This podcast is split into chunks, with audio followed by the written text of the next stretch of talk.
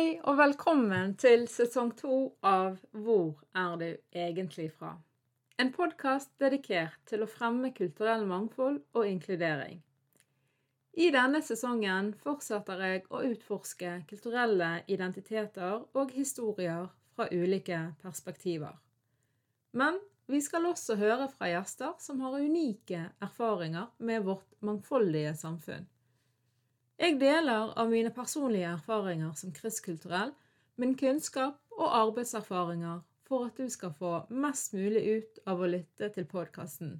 Er du nysgjerrig, åpen og vil lære, er dette podkasten for deg.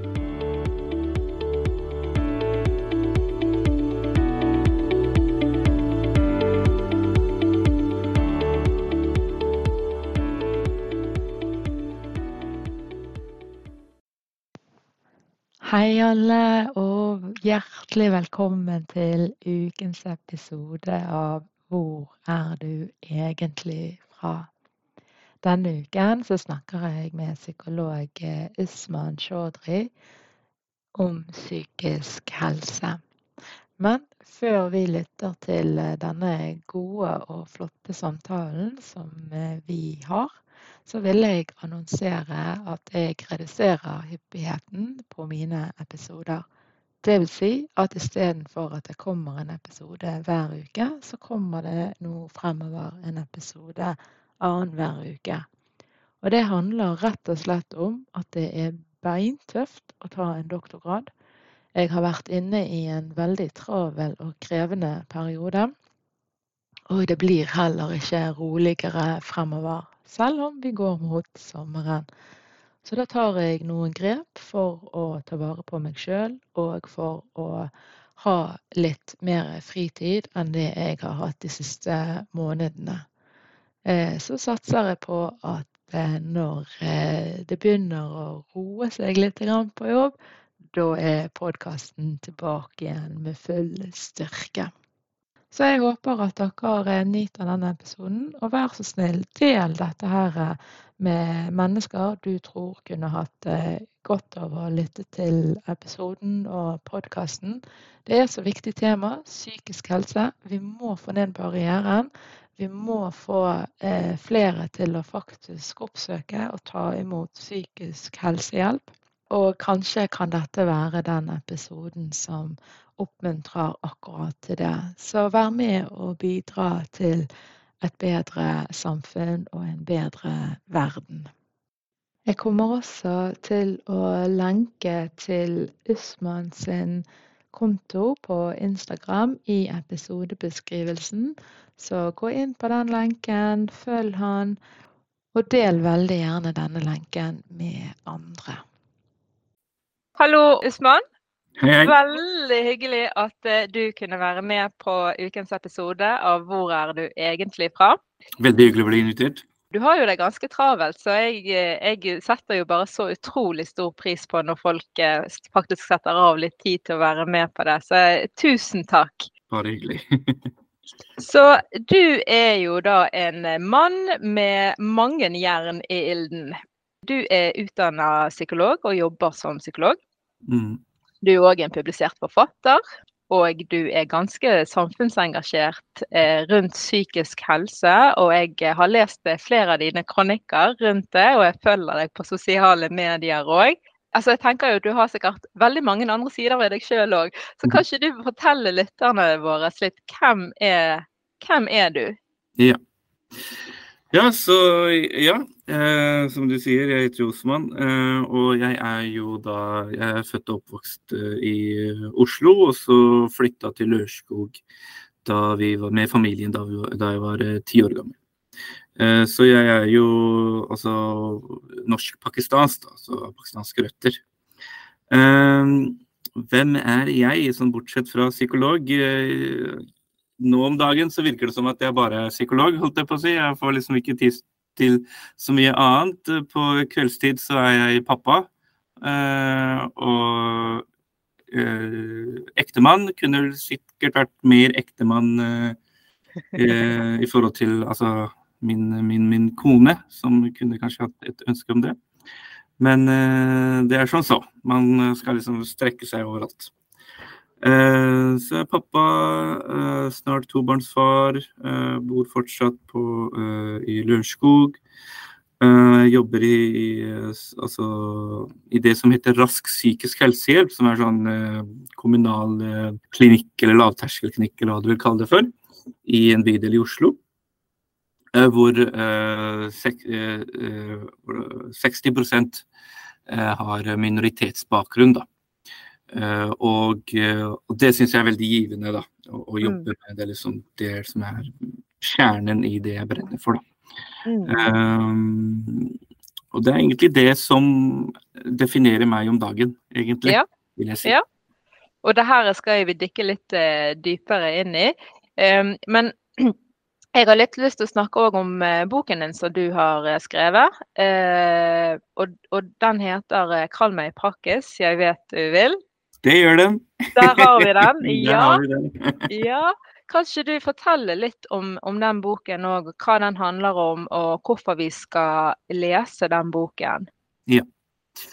Eh, boka, dette er en diktsamling. Eh, en, en, veldig kort Altså en veldig liten og nett bok, da. Tanken har vært, før jeg kommer inn på hva den handler om, tanken har vært at dette er en bok for folk som ikke leser bøker. Eh, som tar opp et tema som jeg mener er vi må, vi må snakke mer om. Og det er da flerkulturelle menn og psykisk helse. Mm. Eh, så denne boka er formet på en måte at det er en livsreise, til, altså en indre livsreise til en flerkulturell mann fra man er eh, barn eh, til, eh, til, voksen. Eh, og da er det da inspirert av mine opplevelser. Da. Så alle diktene er um, Det er 30 dikt i den. Man kan kalle det for kanskje de 30 første årene til en flerkulturell mann. Og hvert dikt er da en, på en, måte en opplevelse eller en tanke eller um, eh, noe som man kanskje kan kjenne seg igjen i. da. Alt fra å være en sønn til dette med hvor viktig altså en, en mor er for mange uh, unge menn med flerkulturell bakgrunn. Eh, dette med å føle på å ikke strekke til, balansere mellom to kulturer, psykisk helse, psykisk uhelse. Alle disse tingene her er da en del av denne boka her, da. Um, så, og den er skrevet på en måte som jeg tror og håper er veldig sånn lett tilgjengelig igjen for de som kanskje ikke vanligvis leser bøker. Så det er ikke sånn dikt som man på en måte må øh, hva skal jeg si, bruke veldig mye hjernekapasitet på å forstå. Det er ganske rett fram. Det er uh, veldig mye rim, det er uh, rytme som går i disse, disse tekstene her. Um, inspirert av rapptekster og slampoesi og ja. Så ganske rett fram og veldig, forhåpentligvis veldig kul måte å lese noe viktig og reflektere over noe viktig på, da. Tenker jeg. Ja, mm. og jeg tenker jo her er jo eh, eh engasjementet ditt for psykisk helse kommer jo veldig tidlig frem, jeg tenker jeg òg, i denne eh, diktsamlingen, eller ja. Absolutt. Og, og det er også eh, jeg, jeg, tenker at eh, som psykolog, da, altså som en brun psykolog eller som en, en, en psykolog, mannlig psykolog med minoritetsbakgrunn, så tenker jeg at det er spesielt altså jeg har kanskje et spesielt ansvar på å faktisk snakke om psykisk helse. Og, og, bidra inn i de miljøene hvor man faktisk ikke gjør det. Og da har jeg prøvd å hele, hele veien å gjøre det på forskjellige måter. Enten det er med å skrive kronikker, eller uttale meg i media, eller jobbe med der jeg, på det stedet der jeg jobber i dag, f.eks. Og også da i form av en, en liten bok. Så jeg har prøvd å dele ganske mye av mine opplevelser. Jeg tenker Hvis ikke jeg som psykolog tør å snakke om og vise min sårbarhet og mine opplevelser med psykisk uhelse opp gjennom årene, så kan ikke jeg forvente at noen andre eh, som i hvert fall ikke snakker om det, eh, gjør det. da. Eh, så Det er det som har vært tanken, å vise litt åpenhet. Fordi med åpenhet så kan man forhåpentligvis så er det noen der ute som kanskje kan kjenne seg igjen. Tenke at det man sliter med eller har slitt med, det er kanskje ikke så unikt. Det er flere som kanskje har vært i samme båt, og da blir det enklere å snakke om det, fokusere på det. Eh, og kanskje også for noen litt enklere å oppsøke hjelp, da, hvis man har behov Mm. for det. Og jeg syns det er utrolig imponerende, og eh, alt arbeidet som du gjør, men òg eh, veldig tøft og modig. Og det vi skal nemlig snakke litt grann om barrierene rundt det å snakke om psykisk helse litt Mm. seinere. Men eh, opplever du at eh, eh, du får mye bra respons nettopp fordi at du er en brun psykolog, som du kaller deg sjøl for, som snakker åpent om psykisk helse? Eh, ja. Eh, jeg har jo hittil, eh, ikke, som jeg kan huske, ikke fått noen negativ respons. Men jeg tror også det er den Jeg prøver i hvert fall å være veldig bevisst på dette her, da. Den måten jeg snakker om ting på, jeg, måten jeg tar opp temaet på. At det ikke blir en uh, dem og dere-problemstilling, men vi og oss-problemstilling. Er du med? Mm. Eh, og at man må snakke om sårbare temaer og viktige, eh, vanskelige temaer på en respektfull måte. Mhm. Man skal ikke Man skal liksom ikke få noen til å føle seg eh, noe annerledes eller noe, no, altså, mindre verdt eller dum, eller på en måte at man eh, setter noen i bås. Og da tenker jeg liksom på kanskje sånne store, alvorlige temaer som har vært opp gjennom årene, som f.eks. Eh, som kanskje er mer av i flerkulturelle miljøer. Det, man har snakket om eh, æreskoden, man har snakket om eh, eh, negativ sosial kontroll, man har liksom eh, gutter og kriminalitet, og liksom alle disse store alvorlige temaene. Og midt oppi alt dette her, så selvfølgelig psykisk helse har også en stor del i alt dette her. Og jeg tenker at når man skal snakke om noe viktig, så må man snakke på en måte hvor man omfavner folk. Hvor man liksom får med alle sammen. For Da er det ikke noe vits i å snakke. Da, da, da roper du høyt om en problemstilling eh, eller noe som foregår, og så støter du fra deg de som faktisk trenger å høre det eller reflektere rundt det. Så Mm. det prøver jeg på en eller annen måte å være litt bevisst på, da, med hvordan jeg legger fram ting, hvordan jeg snakker om ting, og, og hvordan jeg kanskje fremstiller meg selv som person i møte med andre sårbare mennesker. Da. Mm. Nå sa jo du innledningsvis at du jobber jo i en bydel der er 60 eh, har en flerkulturell eh, bakgrunn. Kan du si noe om eh, altså, hva, hva vet vi om eh, psykisk helse blant eh, vårt kulturelle mangfold i Norge? Ja. Det vi vet, da, uten at jeg skal liksom sette alle i samme bås, men sånn generelle tendenser, er at det er kanskje manglende kunnskap på vanlige psykiske lidelser, og hva det er. Med vanlige psykiske lidelser så menes det jo depresjon og angst. Det er jo, det, det er jo disse psykiske lidelsene som eh, Det sies jo at i den norske befolkningen så vil 50% altså hver andre person, oppleve en form for psykisk, eh, vanlig psykisk lidelse i løpet av det voksne livet. Og da snakkes jo det selvfølgelig ikke om dette med uh, kun den tunge uh, si, den tunge diagnosen. Dette er da snakk om mild til moderat depresjon og angst, f.eks. Og den delen der er det kanskje ikke så mye fokus på eller så mye kunnskap om i flerkulturelle miljøer. Og dette kan man slite med, og hvordan dette kan komme til uttrykk osv.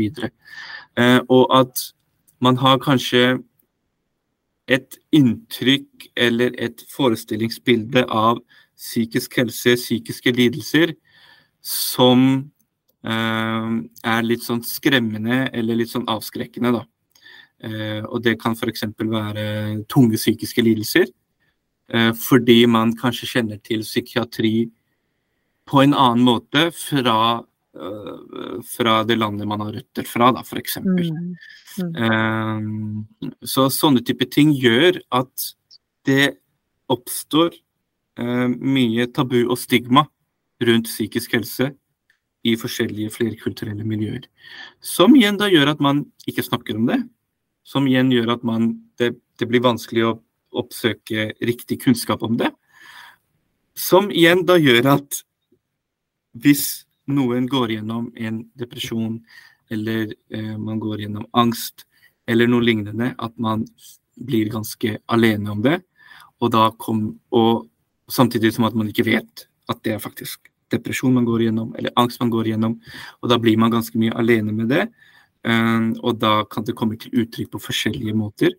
F.eks. For um, det jeg vil like å kalle for min foreldregenerasjon. Da, altså spesielt uh, min, min, mor og, uh, og, og disse tantegenerasjonen, da, om jeg kan si det. Mm. sånne 60 pluss.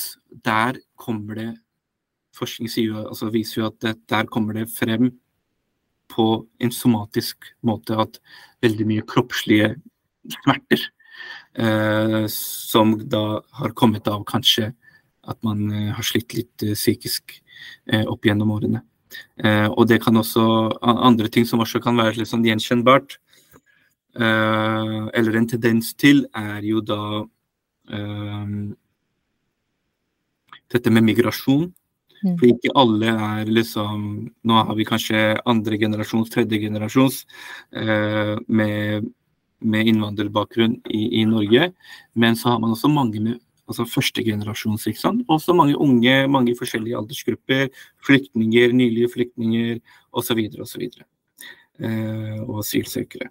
Eh, immigranter som da har tålt mye eller sett mye fra det stedet man kommer fra. Kanskje man har vært innom krig eller andre eh, tøffe vilkår.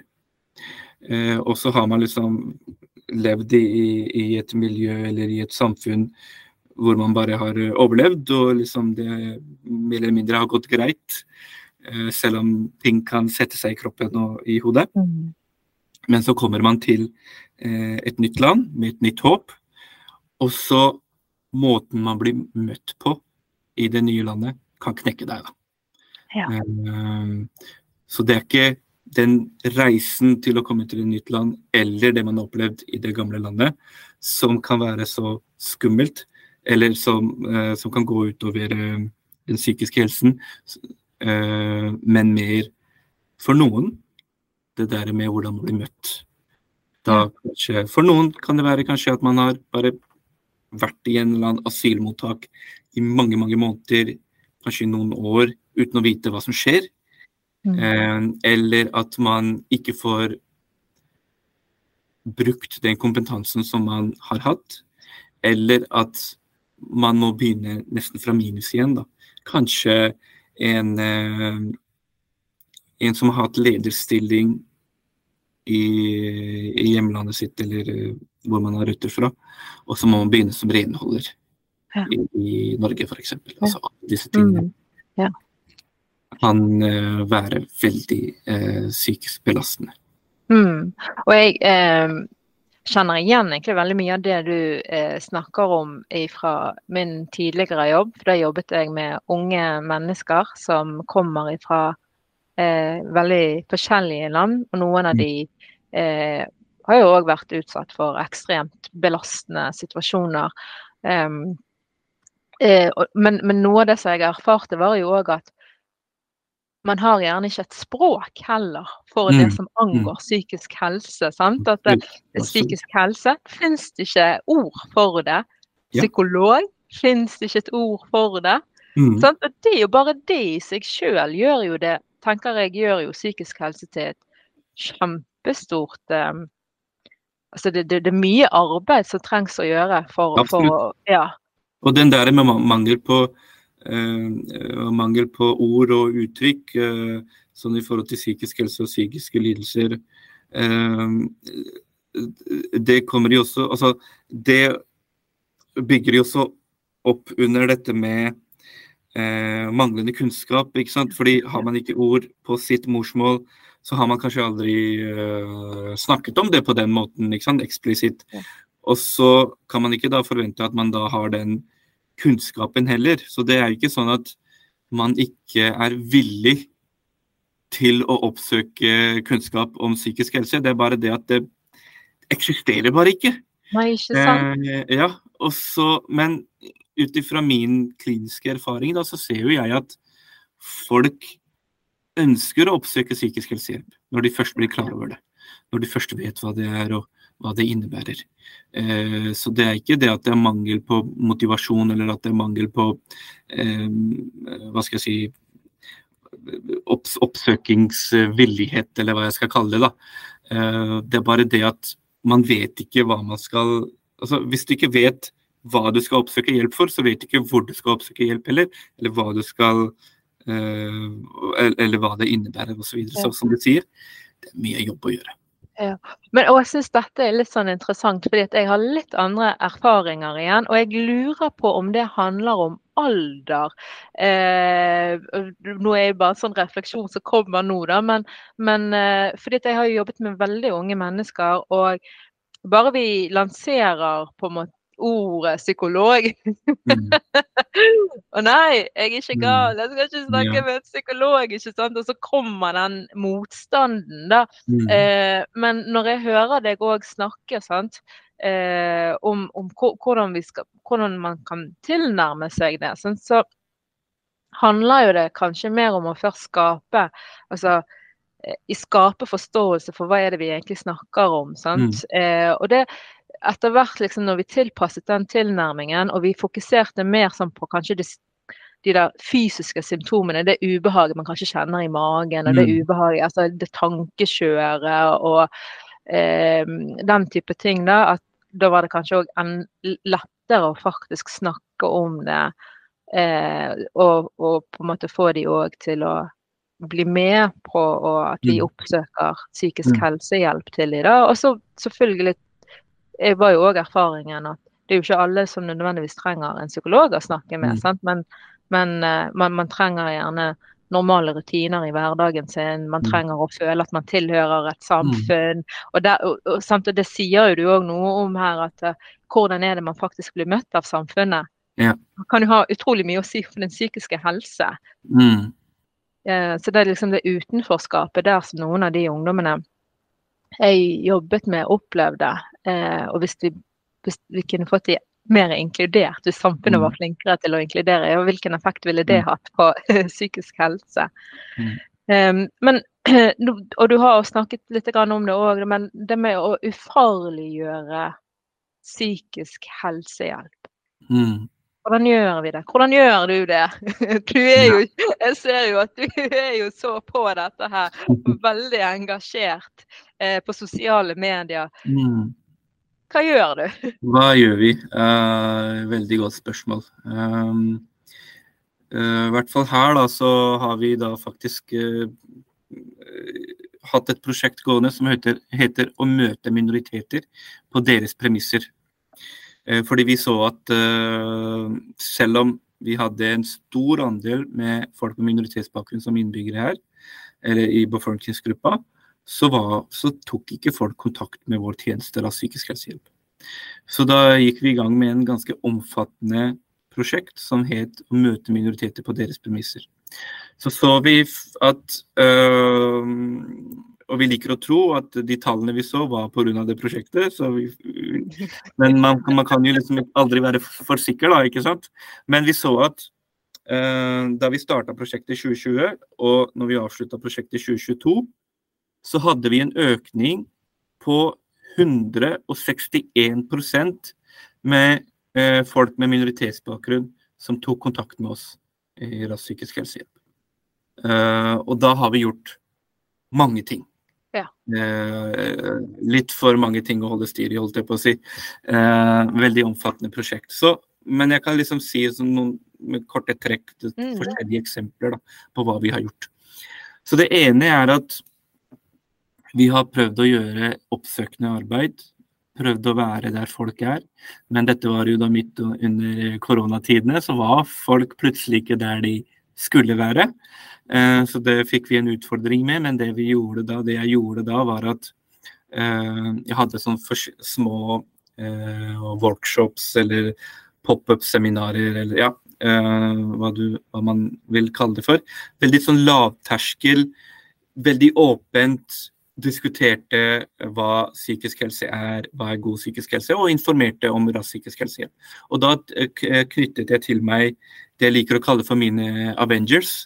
Eh, altså mine, mine superhelter, eh, som eh, vi kalte for ressurspersoner, som på en måte hadde en stemme, hadde en eh, form for autoritet eh, og, og, kjennskap og nettverk innenfor deres respektive miljøer. Da.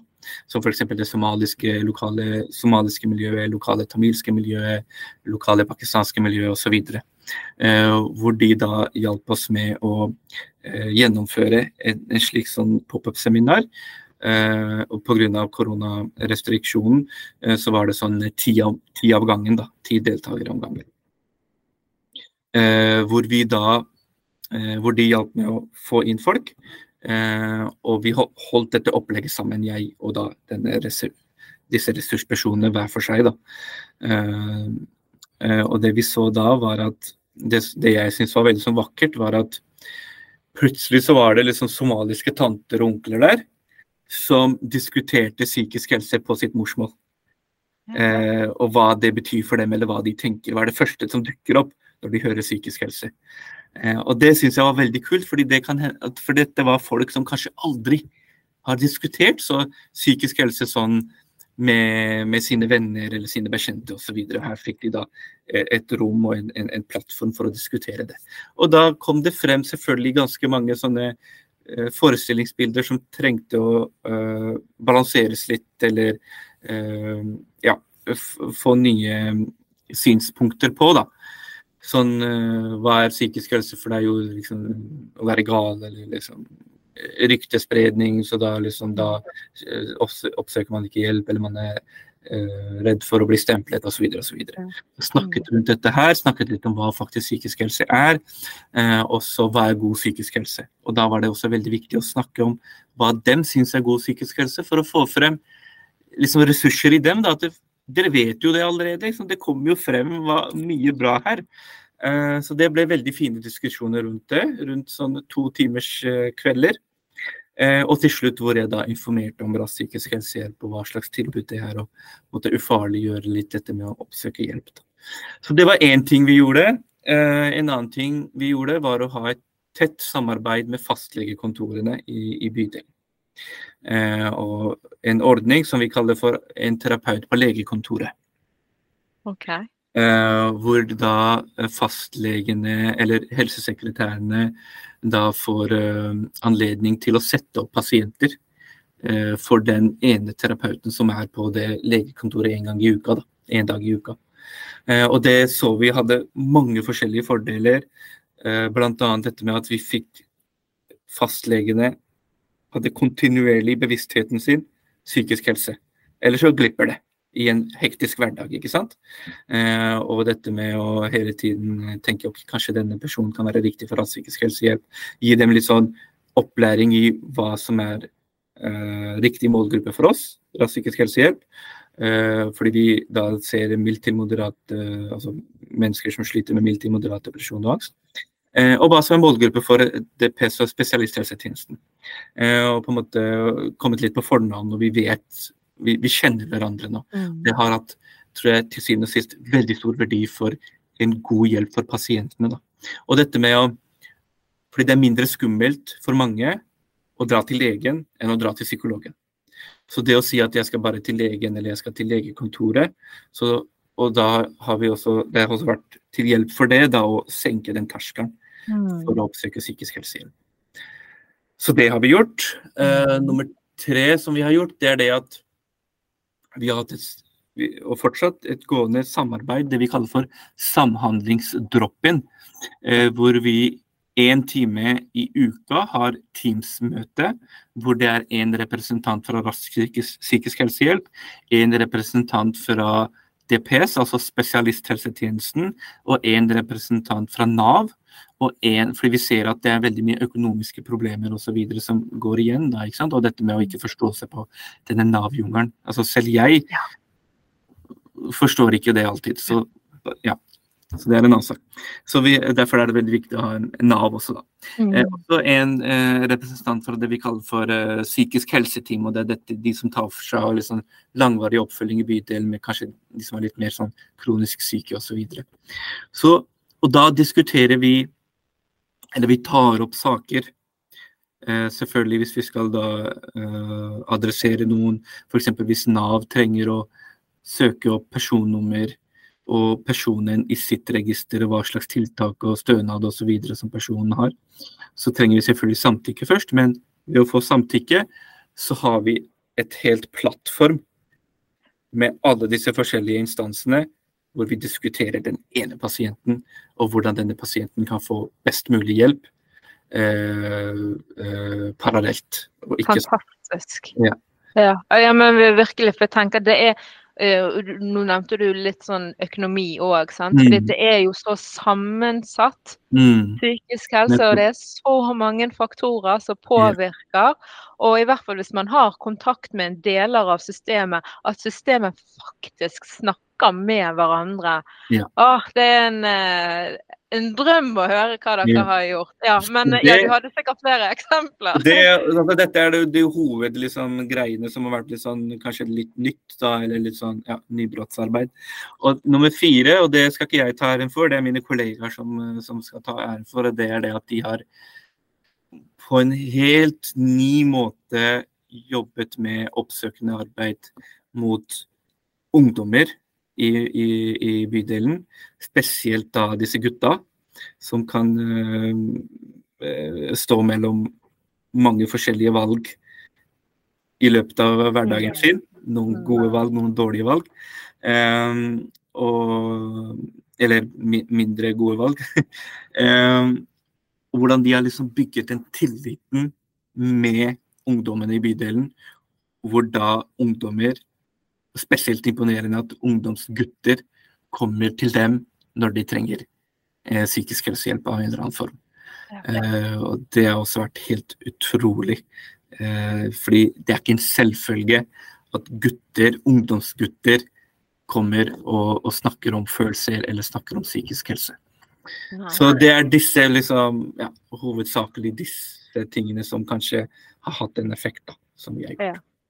Ja, og, og dette, er da, eh, dette, er da, på systemnivå, ikke sant? så har vi selvfølgelig ja. jobbet på, i, i, i, terapirommet, hva som skjer der osv. Ja. Men der har vi Altså, vi er et veldig Vi er et, eh, et team som er veldig eh, Hva skal jeg si Har en veldig god blanding av både aldersgruppe, skjønn, eh, kulturell bakgrunn, religiøs bakgrunn osv. osv.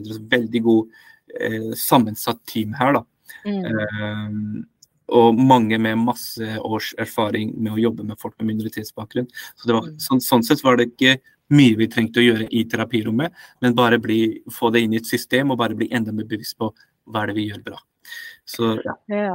Og så, eh, så, tenker jeg òg egentlig litt den snøballeffekten. sant? Fordi Ved å på en måte samle eh, ja, disse ti menneskene da, i denne kohorten, sant? Eh, og la de få diskutere litt og snakke litt, nyansere litt sånn forestillinger som man har, så drypper jo det ned på deres eget personlige nettverk òg. Man snakker jo om det. Sant? Så mm. får man i gang den snøballeffekten og den eh, hva skal jeg si, eh, læringen som oppstår i, mm. mellom disse private relasjonene. Sant? Så uh, det her er det, det, du beskriver, jeg må bare si uh, sikkert litt sånn på kanten, men det er jo en våt drøm for en, uh, gammel, tidligere kommunal ansatt. det er jo utrolig viktig og, og, og, flott arbeid. Og, og det her du nevner med unge gutter som står i krysspress. Og det er jeg så glad for at det blir tematisert, for det har vært veldig lite i fokus. Mm. Man snakker ekstremt mye om jenter med såkalt minoritetsbakgrunn mm. Mm. Eh, som står i krysspress og negativ sosial kontroll av jenter. Mm. Mm. Men jammen meg så står guttene òg i et sinnssykt krysspress. Så det er helt fantastisk at man mm. har eh, hatt fokus på, på guttene. Mm. De trenger hjelp, altså mm. støtte.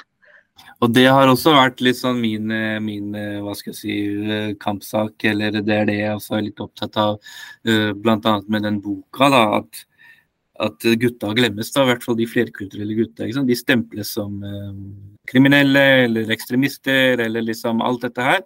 Og så glemmer vi de som faktisk Eh, de som faktisk eh, er der eh, som Altså i, midt imellom, da, holdt jeg på å si.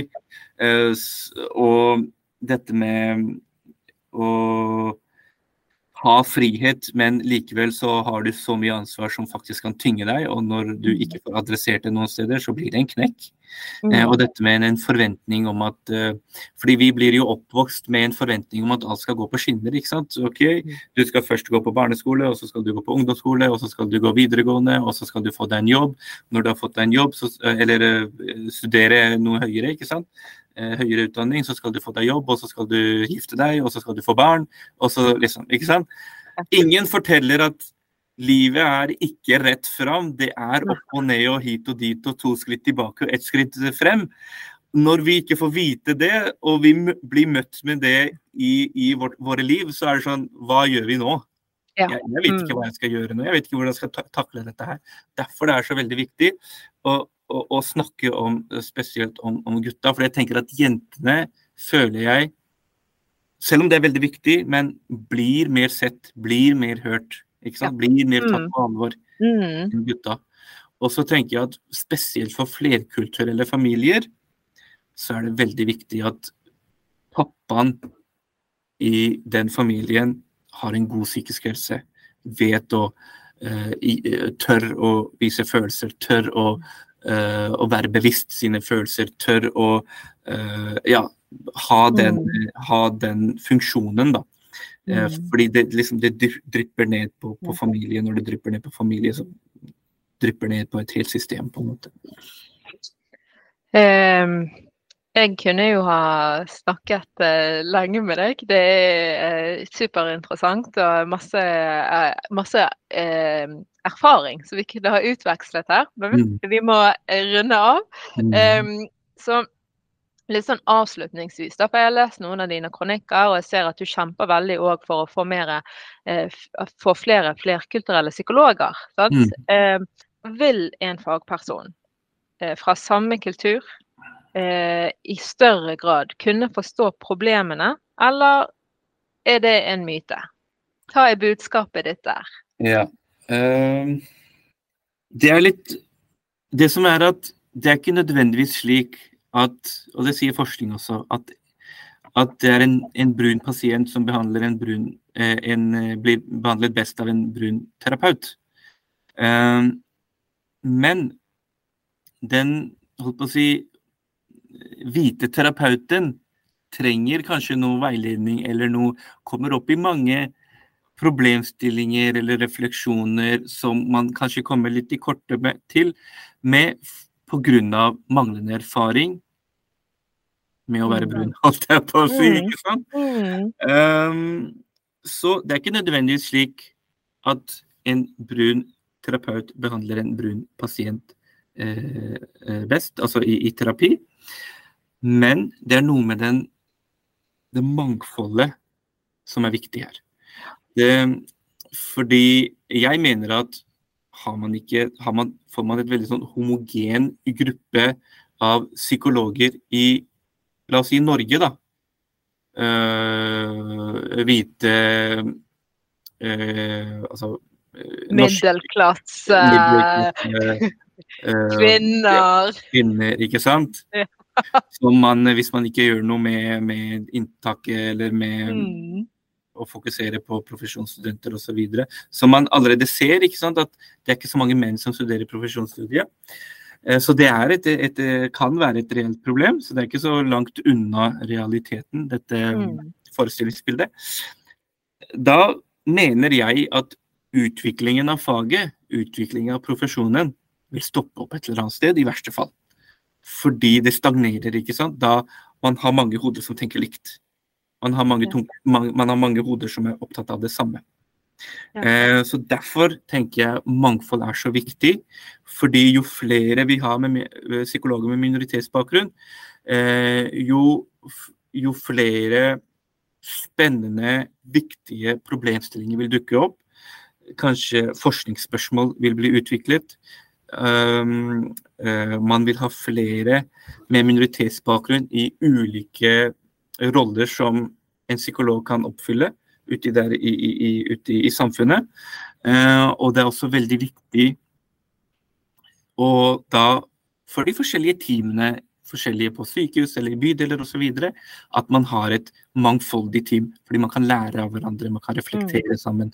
Eh, og man kan styrke hverandre med disse refleksjonene, med disse viktige, unike eller forskjellige eh, kompetansene som man innehar. Både eh, erfaringsmessig og også formelt.